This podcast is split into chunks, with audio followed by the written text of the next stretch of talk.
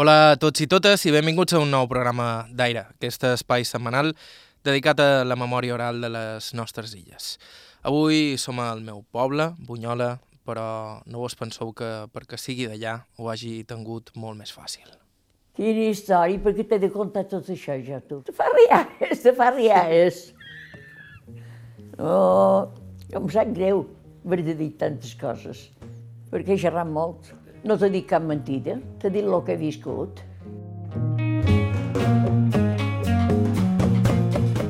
I així tota l'entrevista. Aquesta veu que escoltau és la de Maria Ignàcia Colom, que va néixer i encara viu a una casa aferrada a la plaça del Poble, pujant la costa d'Orient, un altre temps al carrer principal de Bunyola. Això era abans que no es construís el passeig, que alguns allà encara anomenen la carretera nova. Així és el poble on vaig néixer.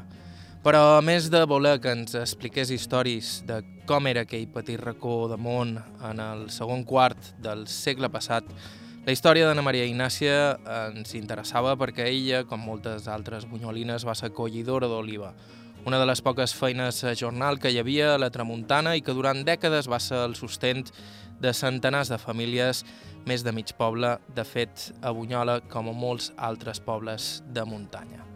Aquest va ser el món en què va néixer una Maria Ignàcia, una dona de 93 anys, que avui escolta la tele amb uns auriculars moderníssims i parla tot el dia amb els seus nets i besnets per WhatsApp.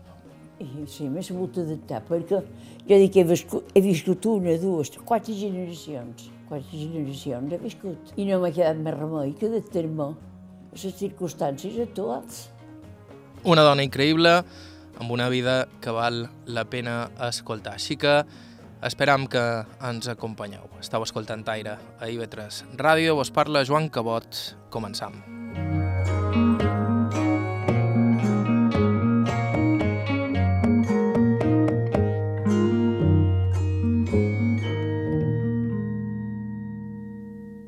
I ho fem a Cana Maria Ignàcia, com vos he dit, una de les primeres cases que et trobes a mà esquerra quan comences a pujar a la costa d'Orient des de la plaça del poble.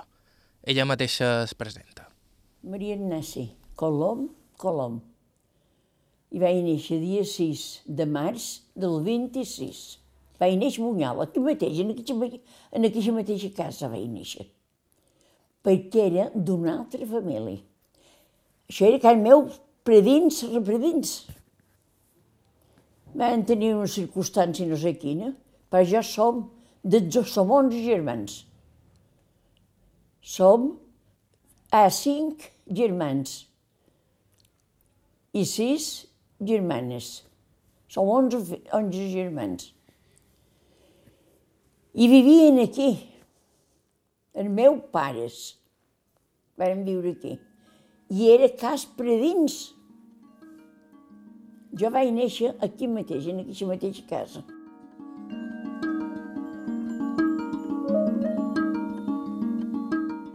Els meus pares, els predins eren comerciants. Mon pare després va, anar, va fer... transportaven el carro l'oliva, el que fos, era carreter de, de, de la mateixa empresa. I aquí rebien soli, un germà de mon pare, el major, era el que comprava soli de tot Mallorca. I el duien aquí. I aquí tenien el magatzem. Que diguem, la botiga de soli, tot. I d'aquí s'enduien soli, un altre germà de mon pare estava en el port i, i li duien soli.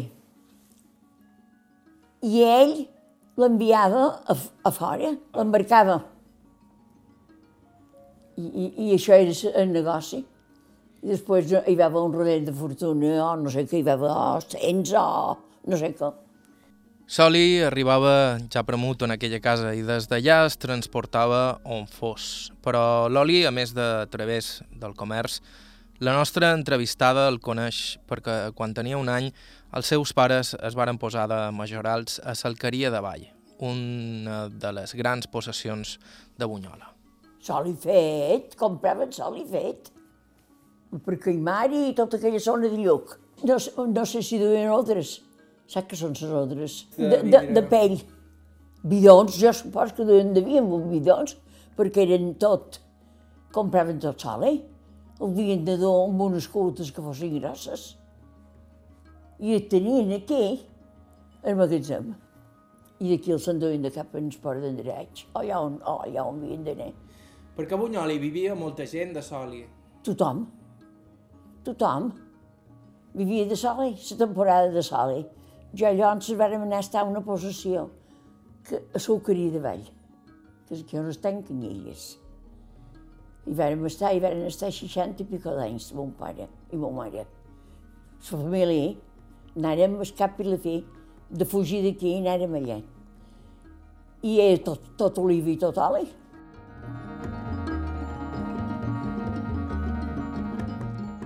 Majorals, sí. I venia la gent en començar a l'octubre, o un poc venien a cuir, no en deixaven ni una d'oliva. La possessió era immensa perquè hi havia a la muntanya, tu no, no, no n'has sentit parlar. Tot era oliva. I venien, perquè molt després tots venien els de deien les porxeres. Venien de per aquí en baix, al Fabi hi havia porxeres, i a Beniforani hi havia porxeres, que era gent externa. Nosaltres, a Sucaria, tot eren bunyolins. Bunyolines que venien a cuir, perquè bastava. Venien moltes. Jo he conduït un, un grup de lots de 12, 10 anys, 12, cuint oliva. Això sí, venien amb una tia, on la predina, perquè venien a cuir, perquè a la, a la final del cuir els daven una mesura d'oli. I de, mon pare ja tenia, els dava un paneret el dia que repartia, que, el dia que arribaven tots per cuir, començaven, els dava un paneret més petit, en els nits. I, i si no el podien omplir, perquè hora d'anar a buidar, en el sac per exemple. I la tia, o la predina, o qualcú els ajudava. Els ajudava, però tots en anar a buidar per exemple. Els que els, els que els demanava, els demanava, jo dic, són carregats, els que els els de au, a buidar. I per exemple. A altres pobles, eh, les dones que coïen oliva els deien gallufes. A Bunyola, en canvi, rebien el nom del lloc on solien dormir quan quedaven a romandre, les porxeres de les possessions. La temporada de l'oliva era llarga, molt llarga, i ocupava moltíssima gent, també de Bunyola. I, i cuien quasi fins al gener. Cuien, i de vegades passat, passat el gener. Quan acabava la cuita, venien a recollir sale. I venien a peu, cercar la mesura d'oli. De matí, a les 5 del matí ja, ja hi havia gent a cercar sale. I anaven a la muntanya, que de les cases de sucreria a la muntanya, a peu, allà més de mitja hora. Perquè costa per amunt. No en deixaven ni una. Quan havien acabat la campanya, perquè hi havia ases que, era, que venien ser catxats de l'oliva. I a la duena, que ja no hi havia la tafona, li deien els graners. La trabucaven en el graner, que del graner era quan la daven a la tafona.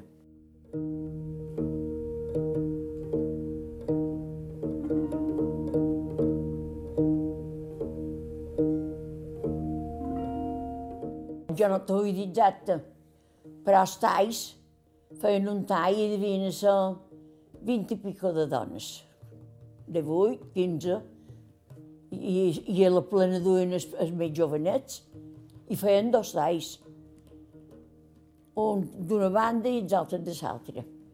Jo m'anava lotets, que no n'hi ha cap de viu, tots són morts. De fet, la gent del poble no bastava i venia gent d'arreu de Mallorca a fer la temporada. Alguna d'aquella gent quedava. Els joves del poble feien visites regulars a les porxeres, una de les poques vies per trobar un matrimoni amb algú que no fos de Bunyola mateix. De per Ariany, Maria i Ariany, quedaren perquè els joves anaven de Bunyola, anaven a les porxeres. I n'hi ha dues de casades, se casaren, que són d'Ariany, m'apareix. I han quedat per aquí, eh? Els joves anaven al vespre a veure-les. I feien balls sí, i cantades. feien un pot de festa. Perquè aquestes quedaven a romandre, no? Sí, les porxeres quedaven a romandre, però no eren de Bunyola, eren de Pont Basteny. Les dolces de Bunyola cada vespre, quan havien acabat la tasca, tornaven a venir. I de matí tornaven a acudir. I quan havien acabat la campanya, llavors mon pare, majoral, que era, els deixava pellucar. I venien totes a pellucar. I l'oliva que, que agafava la venien. L'assumpte era sola, però jo he viscut la tafona, les piques de sole, la molinada, que era quan se triava, se n'anava de cap en el torrent, molt dolent, de soli. Sempre, sempre hi havia aigua. La paga per aquella feina no era res de l'altre món, però sí prou com per sobreviure una bona temporada. Jo he fet setmanals, de vegades. Jo eren pessetes, tres pessetes dia. No guanyava més que tres pessetes. Però hi devia haver poques altres feines. Feina aquella campanya d'oliva. I hi havia a Bunyola, les que varen fer eren les que feien a ranxo. És un altre, és un altre assumpte. Els carboners. Els carboners. Els carboners, que tots han acabat la temporada, tota la temporada, dins la Garriga. I en acabar ja havien fet tot bé, perquè compraven una corderada o compraven una casa, però mira quant de mesos estaven dins la Garriga. Això era un altre assumpte.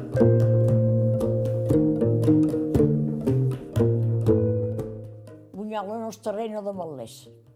No era. Ara no era, ara sí, ara no sí. era, no n'hi havia. No hi havia més que oliveres i garroves. I se feia l'oliva i la garrova. L'oliva i la garrova. I, se, I els ametlers quan van començar a aparèixer? Les oliveres, el puesto d'oliveres encara ara hi són. No els retiraren. Ara llavors per baixa varen sembrar ametlers, però dins la muntanya i tots els alts. Ara vini forani no hi ha cap ametler. Només hi ha oliveres i quatre garrovers. Si ara has estat en l'escoll de Solla, tu? Has vist que tots els colls de Solla són oliveres. I l'altre vini forani, tots són oliveres. I la gent pujava fins allà dalt a cercar oliva? Sí, sí, a peu. A peu. Devien tenir bones cames. Jo supos que sí. Però hi anàvem a la muntanya i hi ha tres quarts de camí i hi anàvem cada dia.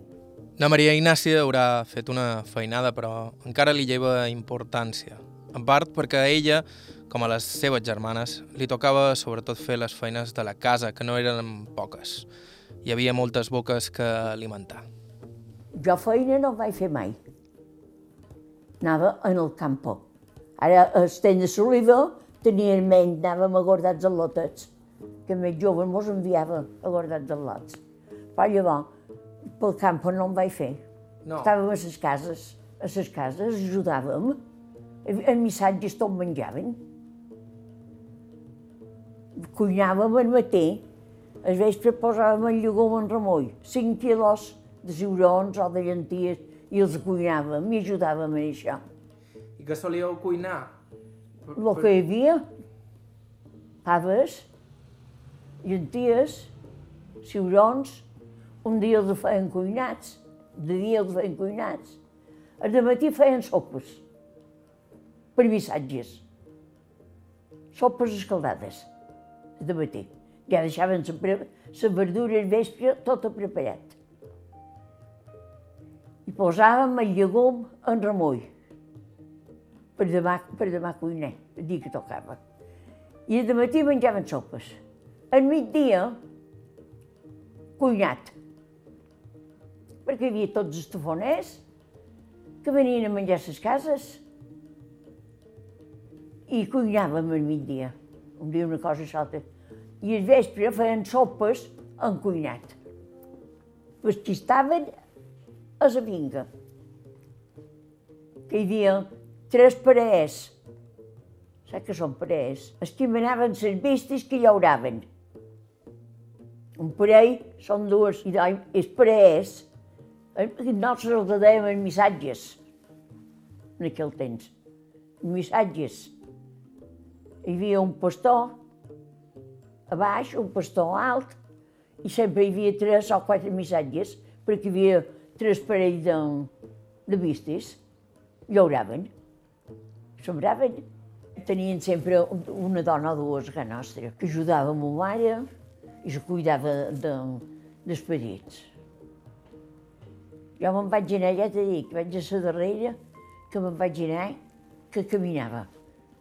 Darrere jo hi ha na Catalina, na Francisca, na Marcelina, en Miquel, en tenc cinc a darrere. Varen néixer la possessió. Tenien dones, ajudaven a ma mare dones, en venia una perquè llavors dobàvem els calcetins. Venia una dona cada setmana per dobar calcetins. Calçots, posàvem un tacos uns genoeres. Ah, t'imagines? Oh? Ai, ¿quién te ha visto y quién te ve? Era Maria Ignàcia Colom Colom, 93 anys i de Bunyola. Estau escoltant Aire i Vetres Ràdio. Fem una breu pausa, tornem en uns segons.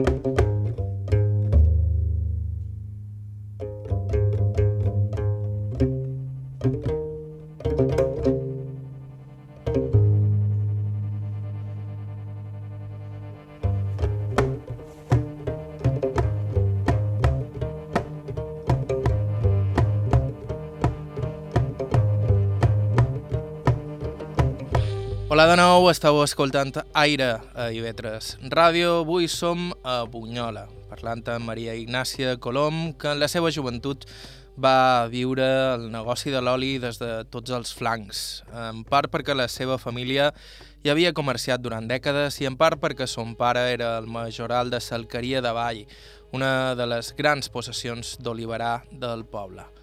Allà s'hi havien instal·lat quan ella tenia només un anyat, així que no coneixia molta altra cosa que aquella vida tranquil·la, lluny de distraccions innecessàries i on fins i tot els passatemps suplien alguna feina. Ens divertíem de nines en el que hi havia i de. Brodàvem, o cosíem, o fèiem ganxeta, no sé què, o llegíem un poc.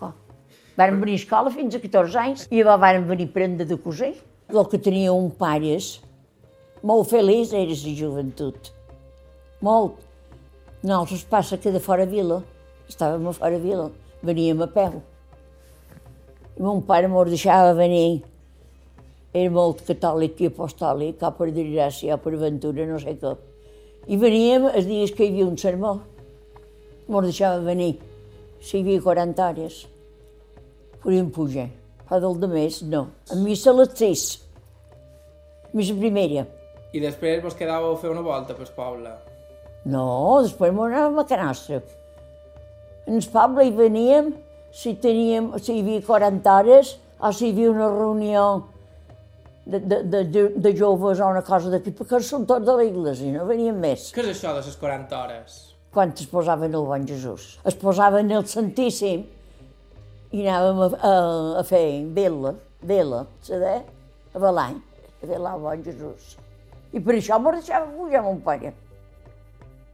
Per anar a les 40 anys, ara per anar de gresca, s'hi acabó.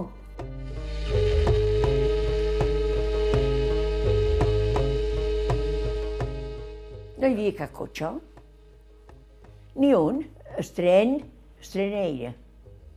Perquè la nostra, la passejada dels diumenges, era anar a veure passar el tren. Ah, sí? Les al·lotes agafaven la cera i anaven en el tren. I, i les dues ceres aquestes, per fer un novió, havien d'encalçar per la cera, havien d'encalçar per de fora. I vos baixàveu sovint a Palma? No, poques vegades. Anava amb ma mare a comprar-nos unes sabates. Mon pare mos duien el ram en el carro, cada any. Compràvem una pepa, nou, nou peces i mitja. Mos dava una passeta per am, per anar al ram. I els diumenges mos dava una passeta per am.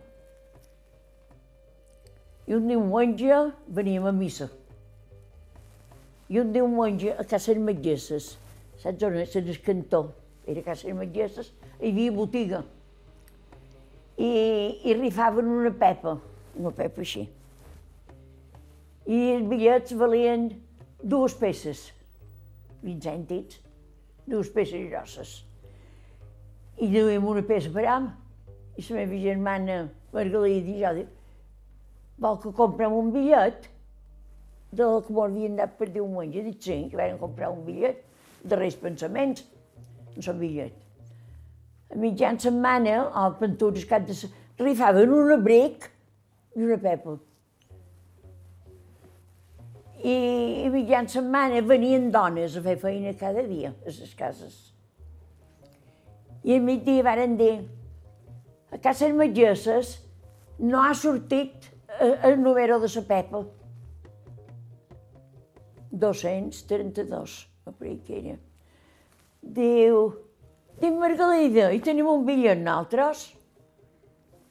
I el vam mirar i vam haver tret la Pepa. No em havia vist mai, més que feien de pedaç. Perquè ben cert que, que no vaig veure cap juguet mai. Els reis, un paraigua, un tambor, mos duen. Però juguete no vaig, veure- no vaig veure cap pepa, la feien de pedaç, les pepes. I de Daguereu estaven content amb aquesta Pepa? Amb aquella pepa, però mon mare no va voler que la tocàssim, la va posar dins el ropero i, se me, i era de dues, la pepa. Me record que va dir, jo a Margalida, quan jo vaig tenir la primera nina, que mira els anys que feia, la meva germana me va dir, Maria, du tant la pepa. I ja estava tot tornada, els cabells ja li fugien.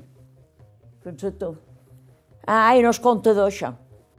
Li demanen a Maria Ignàcia per com eren els seus pares. Si sent curiositat per com són els nostres padrins, encara més pels nostres repadrins. Una gent que sovint ens imaginam d'una manera completament diferent a com eren en realitat. Mon pare era esplèndid, recte, recte, però era esplèndid. I ma mare dava menjar a tothom que podia. Si sabia que a Bunyola hi havia una família, no ho podia fer, perquè no era seu. El senyor comandava. Però preava una seneta i deia duir-la a Cana Fulana. Sabia que havia una família, perquè molts se'l passaven malament. Però de vegades hi havia una excepció. Me record que hi havia una dona que li tenen una cama, una marions, i estava... I, i cada setmana li preava una seneta i duis, duis això, a Cana Bel Marions, mo mare. Però ho podia fer d'amagata. Això de la seneta no estava permès, però era bastant habitual en un poble petit com aquell, en què tothom es coneixia i mirava de donar-se un cop de mà en cas de necessitat. No, tots eren germans. Hi podia haver una excepció d'una dona que estigués tota sola o una cosa o. Jo hi havia una dona que li dèiem Adó Parreca. I, I deien que tenia una cova de guitarranyos. Tu t'imagines Una cova de... de guitarranyos? Què eren els guitarranyos? No ho sé. Què són? I vos feia una pa fresta de nines, de nines petites. Me da parreca i guitarranya. No és pensador. Que vos contaven aquestes històries per tenir por? No no mos contaven, els vivíem, de nines. No mos contàvem, els vivíem. Així és que he vist. No t'ho vull dir que...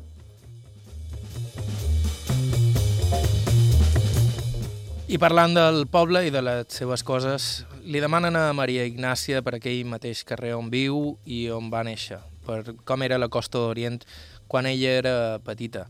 Aquell solia ser el carrer principal del poble abans de que arreglessin el que ara és el passeig. Jo no he conegut això, he conegut sempre igual. No, he conegut quan van fer la carretera nova. En allò li perquè veiem la carretera nova, però Sí. abans el carrer principal, per dir-ho així, El, del el, principal era, aquest, perquè aquest va a Orient. Sempre ha estat el carrer que ha anat a Orient. Sempre ha estat el mateix. Que clar, jo recordo encara que hi havia el forn aquí... Sí, Qui- Quins negocis hi havia quan éreu petita en aquest carrer? en el costat tenia una botiga que hi havia forn. En el cantó hi havia una carnisseria. A la part d'aquí hi havia una barberia. A davant hi havia un bar. Tota la vida. A Casa Espardenyer ja era, aquí, en el bar Pericat ja era. I tot aquest carrer hi havia Can Nuet, hi havia botiga, i sanetes i coses. Eh, Llavors, a Cat Sapo hi havia botiga. Llavors hi havia el forn. Hi havia la farmàcia, en el carrer, que hi havia la farmàcia també. Primer va estar darrere, però jo l'he vist aquí. I hi havia uns senyors que estaven aquí on el bar, aquell restaurant, el carrera, que era d'u- d'u- d'una família, i estaven. Més amunt hi havia la tafona. Aquí on és fornara, hi havia una tafona, que agafava, ara si tu tenies una quarterada o un músic, hi duien sali. Hi duien soli i els feia sali. Això ho he vist. I la casa de parroquial estava allà mateix? Sempre ha estat allà mateix, la rectoria. Sempre vivia el rector allà. I hi havia un, dos, tres cafès a la plaça d'allà dalt. Tres bars, hi havia. I de, i de matí, antes d'anar a fer feina, havien de passar per bar. Havien de beure una copa per ser calents. Si feia fred, no era d'aigua.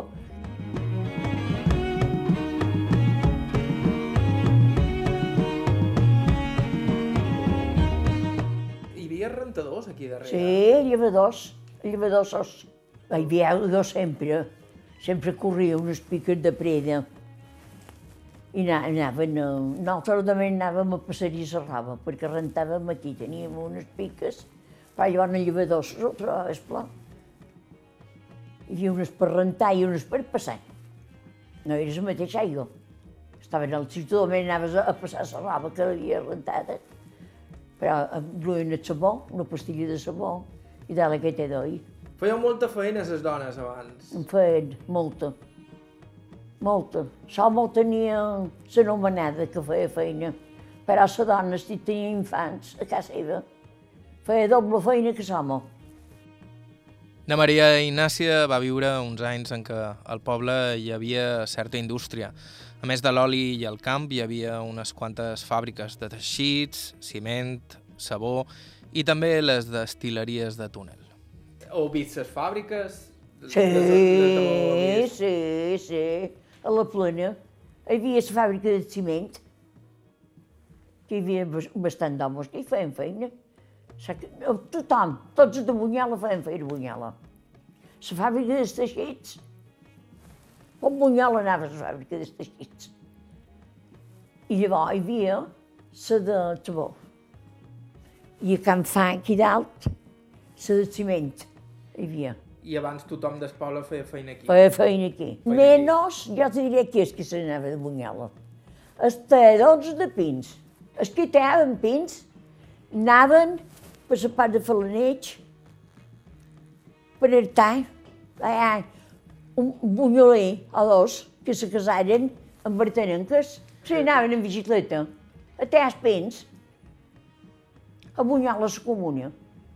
Ell feia, ell feia, feia una gentada. Bunyola era, era milionari en la comuna.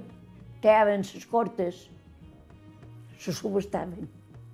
Se subestaven i els, els llenyaters si treien una corta. Tot el que feien a Bunyola ho feien de lo que treien els pins. Subestaven les cortes. I les cortes venia un enginyer de Montes i, i, i els marcava els pins que volien ter. Però la comuna era un jardí. Un jardí. El meu sogre era el que replegava la llenya. El meu home anava a cercar les, les sarris d'escarbó. Quan el carbó avisava que tenien el carbó fet. Això era la part de Son Creus, que feien el carbó. I els, i els pins, els bons, els, els duien a la naviera amb el carro. I els treballaven de la comuna.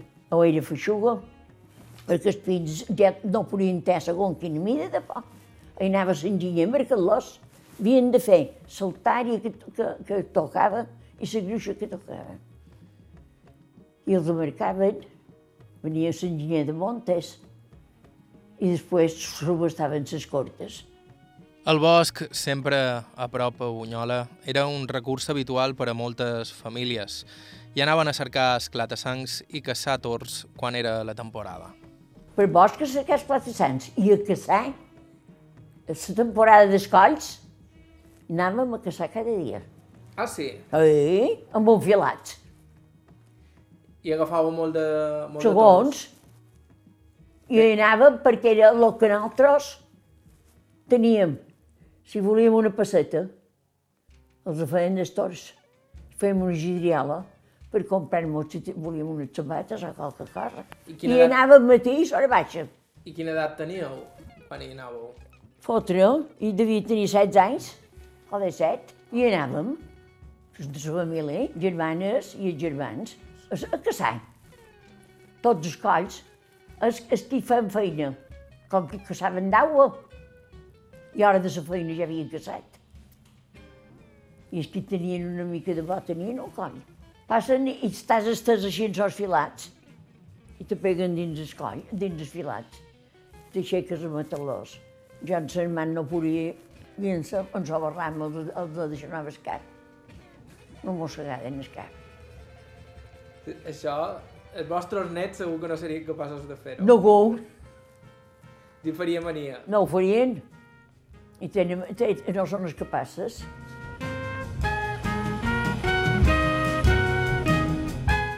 Quan, quan vareu conèixer el vostre home? Quina edat teníeu quan el vareu conèixer? I devia tenir de 8 anys. I venia en bicicleta, però ja estava fora vila. Com el vareu conèixer? No ho sé, de Pescarrer. De Pescarrer i, i els, els pares eren molt amics. I quant d'anys vareu festejar? I en Pintura 3. 3 o 4. No me'n record, això no me'n record. Perquè festejaven només els dimecres. Només podia venir dimecres a festejar. I el diumenge. I mos duien tan atacades que no, no mos deixava pujar. Havien d'anar, anaven fins al Fabe. Ells passejades, ben acompanyades. 40 anys. Quin temps era aquell! Anàvem a passejar plegats. Si tenien temps de dar-nos qualque bé, el, mor- mordaven. D'amagat. Estimada meva. Ai, quina vida. I en què se dedicava el vostre home? El meu home era llenyater. I venia de família també. Sí, son, son, son pare era un comerciant, era un, un comerciant eh, d'embujer. Però he dit, les cor, les cortes de de la comuna d'aren per fer les alcantarilles.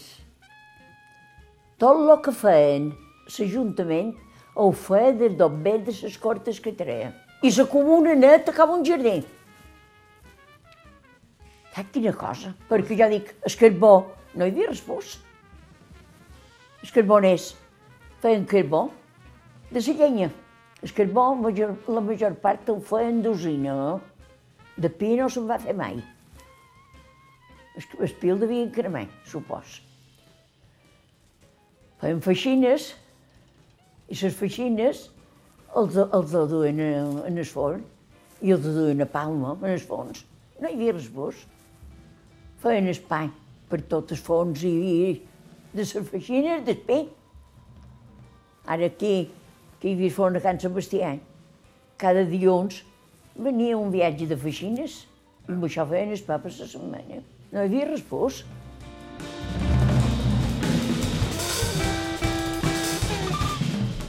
Maria Ignàcia Colom acabaria fent feina a la botiga dels seus sogres. D'aquí uns segons ens sentirem a parlar. Això és Aire, estàu escoltant IB3 Ràdio, fem una breu aturada i tornem.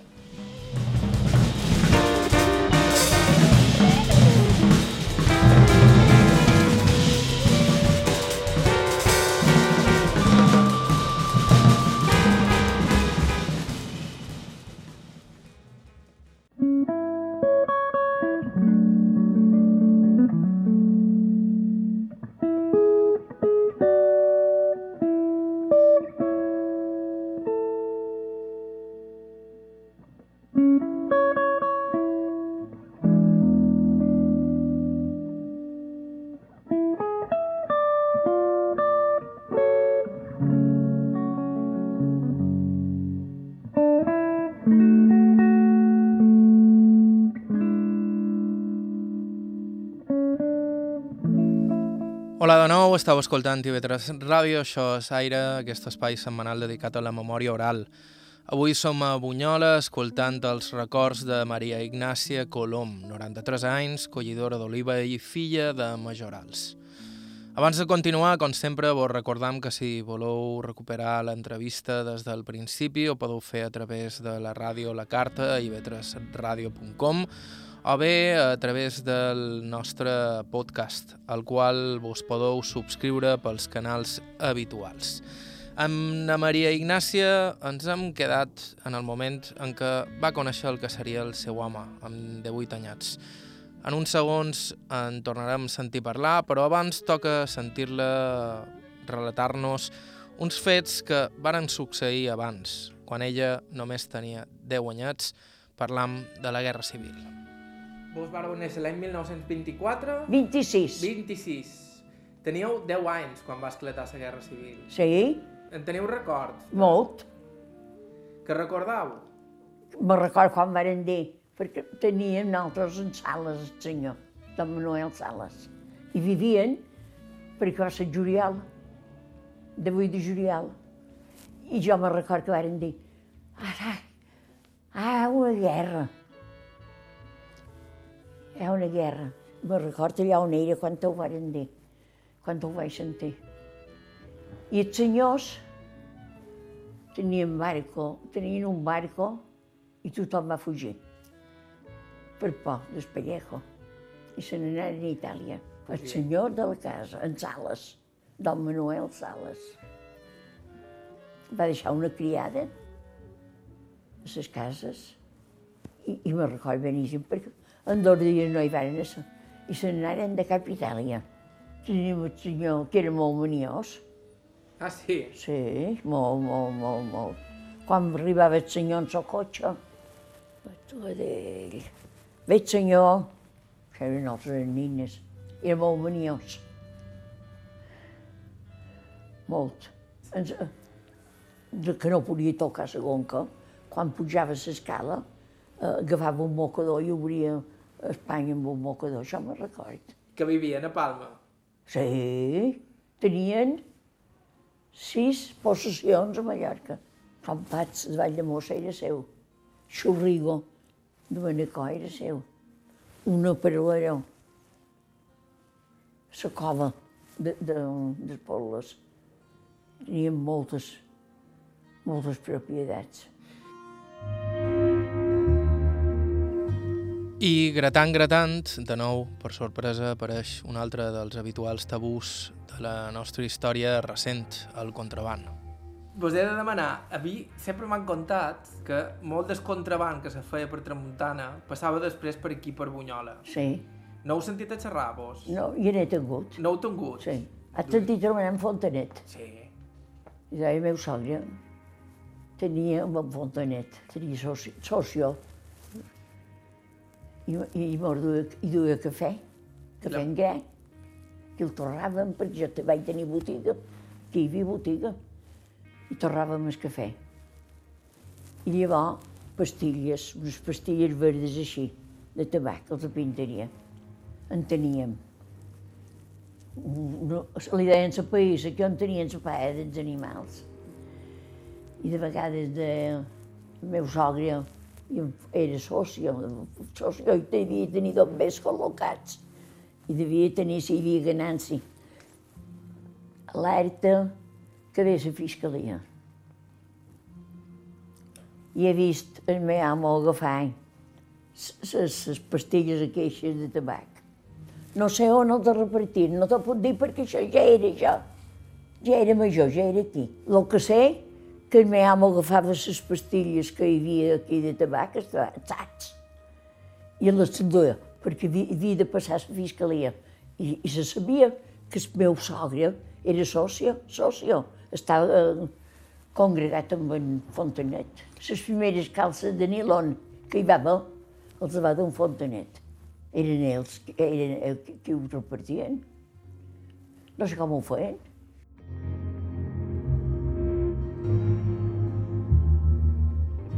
A les saques de Montescoll, a la muntanya, perquè Sucaria té una altra, unes cases a dins la muntanya. I passaven en la nit. Els que el duen, els que duen el tabac, perquè venien de per d'allà i passaven tota la muntanya, tota la zona d'Esteix, saps on és Esteix? I del duen de cap en Esteix. No sé si el duen a Solla, no sé on el duen. Et saps? De contrabanda, i ho feien en la nit, en això. I, i, i el viatge damunt l'esquena. Però el pastor, teníem un pastor que vivia a les cases de la muntanya. I quantes cants li lladraven en la nit, de ara passen els, els contrabandistes.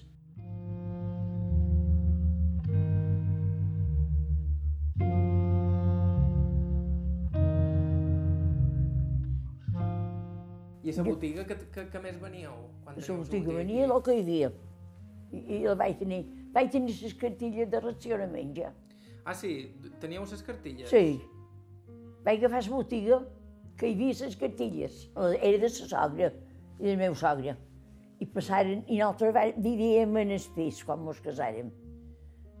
I després la sogra i el sogre se van voler retirar i mos van fer baixar a la botiga, vaig tenir la botiga. I quan vaig agafar la botiga, hi havia cartilles de racionament. El dia que duien gènere, el duien a l'Ajuntament, i mos avisaven. Havien de dur les cartilles totes, tantes persones, tantes racions. I anàvem, ho sabien. Jo tenia 20 cartilles, on tenia 17, on tenia 18. Vengué una dona un dia plorant, no me donaries... Hi havia sol, hi havia oli, mos daven oli. Hi havia un, un depòsit aquí, amb un grifó i una piqueta baix, i, i, i Ma- Marieta dame un poquet d'oli. Dic, no, ja, ja tenies duites que et tocava, no t'ho tapos. I me record que des, d'aquí on degotava del mesurador, li vaig degotar, li vaig trabucar el, el que hi havia al mesurador per s'endugués un pot d'oli. Havia dones que feien 100 quilos i en varen fer 30, mares de família. Sap que és un infant quan surt d'escola? Mo mare vull berenar. I que li has de dir? No hi havia pa. Hi havia rac- racionament de pa. D'un pa, d'un pa de, de contrabando, valia el que guanyava el meu home una setmana. Va ser molt, molt, molt, molt, molt terrible. I jo, nosaltres sempre teníem la ració de pa. A Canals Sucaria sempre no me'n va faltar, però no, va- no va faltar mai pa. Gràcies a Déu. Perquè tenies poca farina, son crespí, i tot era en puesto de blat, el senyor. El mateix senyor de... I feien l'intercanvi. Venien a cercar oli i mos duien. Ells feien s'intercanvi. No vàrem passar mai fam. Gràcies a Déu. Perquè amb bons fills no t'ha dit jo el que hauria passat amb ma mare.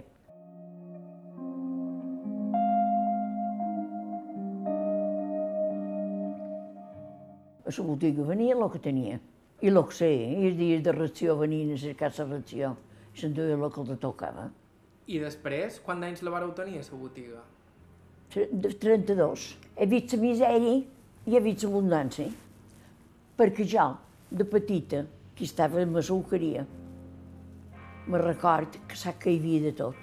Mo mare mos duien cimades i no valien res, i xocolata i de tot, però llavors hi va haver la guerra, els barcos no varen venir, no duien res, la postguerra va ser lo terrible, no la guerra, la postguerra va ser la fam. Els, els, els homes de Bunyola, els que tenien família, anaven a cercar les mongetes en la bicicleta cap a la pobla. Eh, Aquí no, aquí no cuien, de llegum. Després d'haver parlat amb eh, Maria Ignàcia de les fàbriques i les grans collites d'oliva que hi havia a Bunyola, dels carboners i els treballadors dels pins de la comuna, li deman per com va mancavar tot allò. La resposta és l'habitual. El món canvia i no espera ningú. I perquè llavors hi va haver altres indústries, hi va, quan, quan va haver-hi butano, no van fer pues carbó. En començar, tot, el primer butano que hi va haver, no hi va haver carbó. Hi va haver un fogonet de petróleo, ja no empleàvem carbó. Hi va haver caos, no hi va haver pu- pus, ni ranxos, no hi va haver res, ni carboners. Quan va venir el botana tot se va acabar. Encara en ten dins un sac. Jo de carbó. De què el tens? Era Ah, sí? de quan el meu amo anava de carbó. Ara com, compren carbó per les per les torradores aqueixes, per barbacoas. I un dia ho vaig dir a una filla meva, ves en el corral, que n'hi ha un cul de sac, de quan ton pare ens girava. Si, si no pren.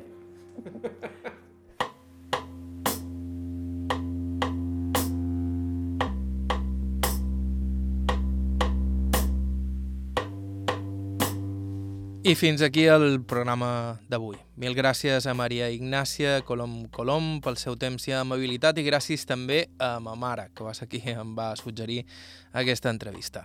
Ja sabeu que si ens voleu proposar alguna entrevista a vosaltres, ho podeu fer enviant-nos un correu a aire.ivetresradio.com i que també ens podeu seguir a Facebook i Instagram.